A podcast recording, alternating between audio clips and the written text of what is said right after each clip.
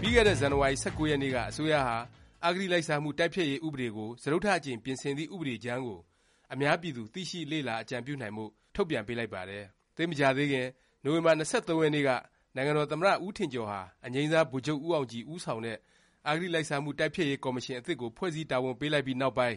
အခု ဥပဒေ ပြင်ဆင်ဖို့ မူကြမ်း ထုတ်ပြန်လိုက်တာပါ။ ပြောရရင် မြန်မာနိုင်ငံမှာ အဂတိလိုက်စားမှု တိုက်ဖျက်ရေးနဲ့ ပတ်သက်ပြီး ဥပဒေ ပြဌာန်းပြီးတဲ့တိုင် ဥပဒေပါ ပြဌာန်းချက်အတိုင်း အဂတိလိုက်စားမှု တိုက်ဖျက်ရေး ကော်မရှင် ဖွဲ့စည်းခဲ့ပြီးတာ ၄ နှစ်ခွဲကျော် ကြာလာတဲ့တိုင် သိပ်ပြီး အလုပ်မဖြစ်တာ၊အဂတိလိုက်စားမှုတွေ ဖြစ်မြဲတမ်း ဖြစ်နေတာနဲ့ ပတ်သက်လို့ နိုင်ငံရေးသမားတွေရော၊ပြည်သူတွေကပါ စိတ်ပျက်လက်ပျက် ဖြစ်နေတာ အတော်ကြာပါပြီ။အခု ဒေါ်အောင်ဆန်းစုကြည် ဦးဆောင်တဲ့ အင်န်အယ်လ်ဒီ အစိုးရလက်ထက် အရင် ကော်မရှင်ဟောင်းနေရာမှာ ကော်မရှင် အသစ်ကို အစားထိုးလိုက်တဲ့အပြင် ဥပဒေကိုပါ ပြင်ဆင်တော့မှာမို့ မြန်မာနိုင်ငံရဲ့ အဂတိလိုက်စားမှု တိုက်ဖျက်ရေး ထိထိရောက်ရောက် ဖြစ်လာတော့မှာလား ဆိုပြီး မျှော်လင့်စရာတွေ ရှိလာပါတယ်။ခုတစ်ပတ် အဲဒီအကြောင်း လေ့လာသုံးသပ် တင်ပြသွားပါ့မယ်။အဂတိလိုက်စားမှု တိုက်ဖျက်ရေး ကော်မရှင် ဥက္ကဌ အဖြစ် တာဝန်ပေးခံရတဲ့ ဝန်ကြီးဟောင်း ဦးအောင်ကြည်ဟာ ကိုယ်ကျင့်တရားအရ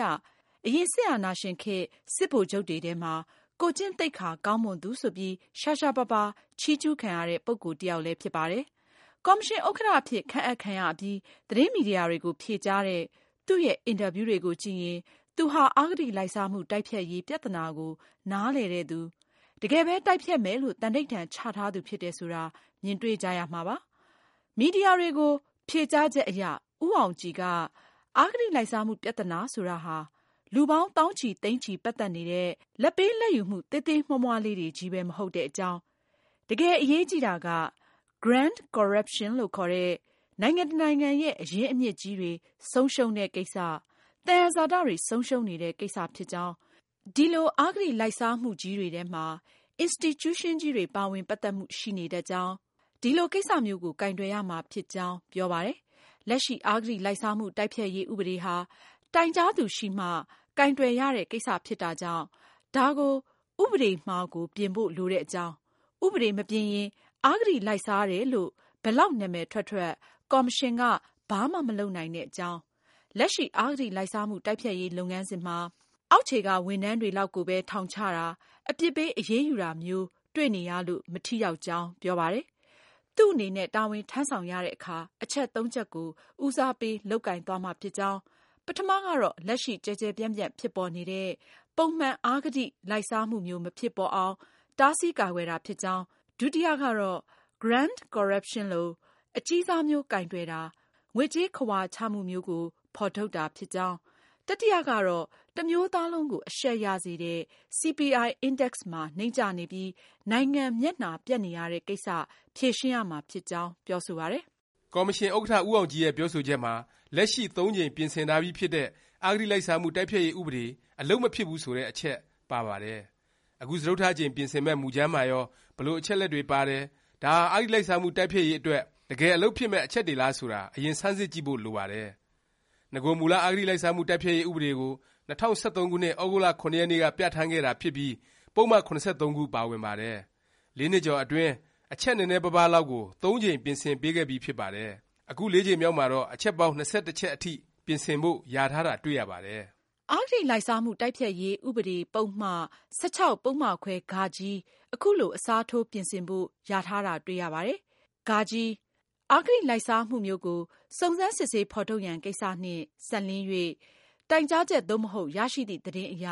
လိုအပ်ပါက ကြိုတင်ထောက်လှမ်းစုံစမ်းစေခြင်း၊ စုံစမ်းစစ်ဆေးရေးအဖွဲ့နှင့် ပဏာမ စိစစ်ရေးအဖွဲ့တို့အား စုံစမ်းစစ်ဆေးစေပြီး တွေ့ရှိချက် အစီရင်ခံစာကို တင်ပြစေခြင်းဆိုပြီး ဖြစ်ပါတယ်။ဒီအချက်ဟာ နဂိုမူလ ဥပဒေပါ ပြဌာန်းချက်နဲ့ အတော်လေးကို ခြားနားပါတယ်။နဂိုပြဌာန်းချက်မှာ တိုင်တဲ့သူရှိမှ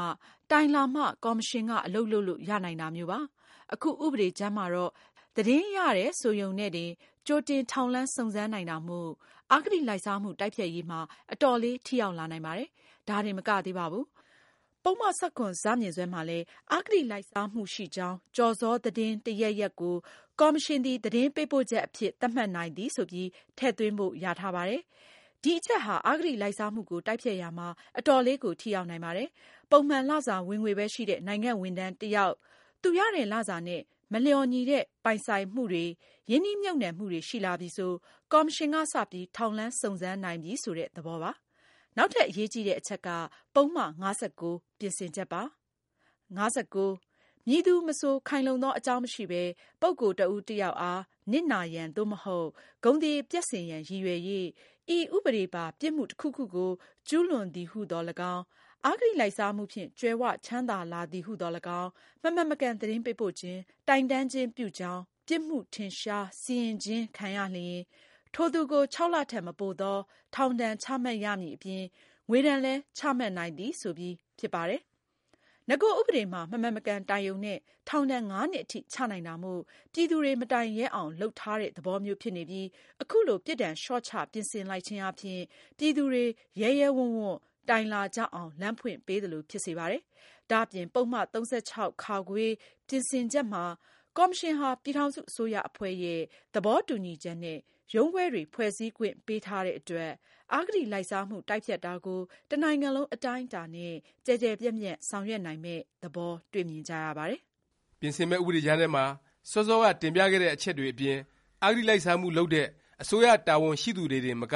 နိုင်ငံတကာမှာလို ကုမ္ပဏီနဲ့ ပုဂ္ဂလိက တွေကိုပါ အရေးယူနိုင်မယ့် အချက်တွေလည်း ပါဝင်ပါတယ်။ဒါ့အပြင် တင်ဒါလို ကိစ္စမျိုးမှာ မမှန်မကန်လုပ်ပြီး အစိုးရ ငွေကြေးဘဏ္ဍာ ထိခိုက်နစ်နာမှုတွေအတွက် အရေးယူနိုင်တဲ့ ပြင်ဆင်ချက်မျိုးလည်း ထည့်သွင်းထားပါတယ်။အားလုံးကို ခြုံငုံသုံးသပ်ကြည့်လိုက်ရင် အခု ဥပဒေကြမ်းရဲ့ အဓိက အချက်တွေကို ပြဌာန်းနိုင်ခဲ့ရင် ကော်မရှင် ဥက္ကဌ ဦးအောင်ကြည် အနေနဲ့ Grand Corruption လို အကြီးစား အမှုတွေ ကိုင်တွယ်တာ၊ငွေကြေးခဝါချမှုမျိုး ဖော်ထုတ်တာ လုပ်နိုင်မှာဖြစ်ပြီး တစ်မျိုးသားလုံးကို အရှက်ရစေတဲ့ Transparency International အဖွဲ့က နှစ်စဉ် ထုတ်ပြန်တဲ့ CPI Index မှာ နိမ့်ကျနေလို့ နိုင်ငံမျက်နှာပျက်နေရတဲ့ ကိစ္စကိုလည်း ဖြေရှင်းနိုင်ဖွယ် ရှိနေပါကြောင်း တင်ပြလိုက်ရပါတယ်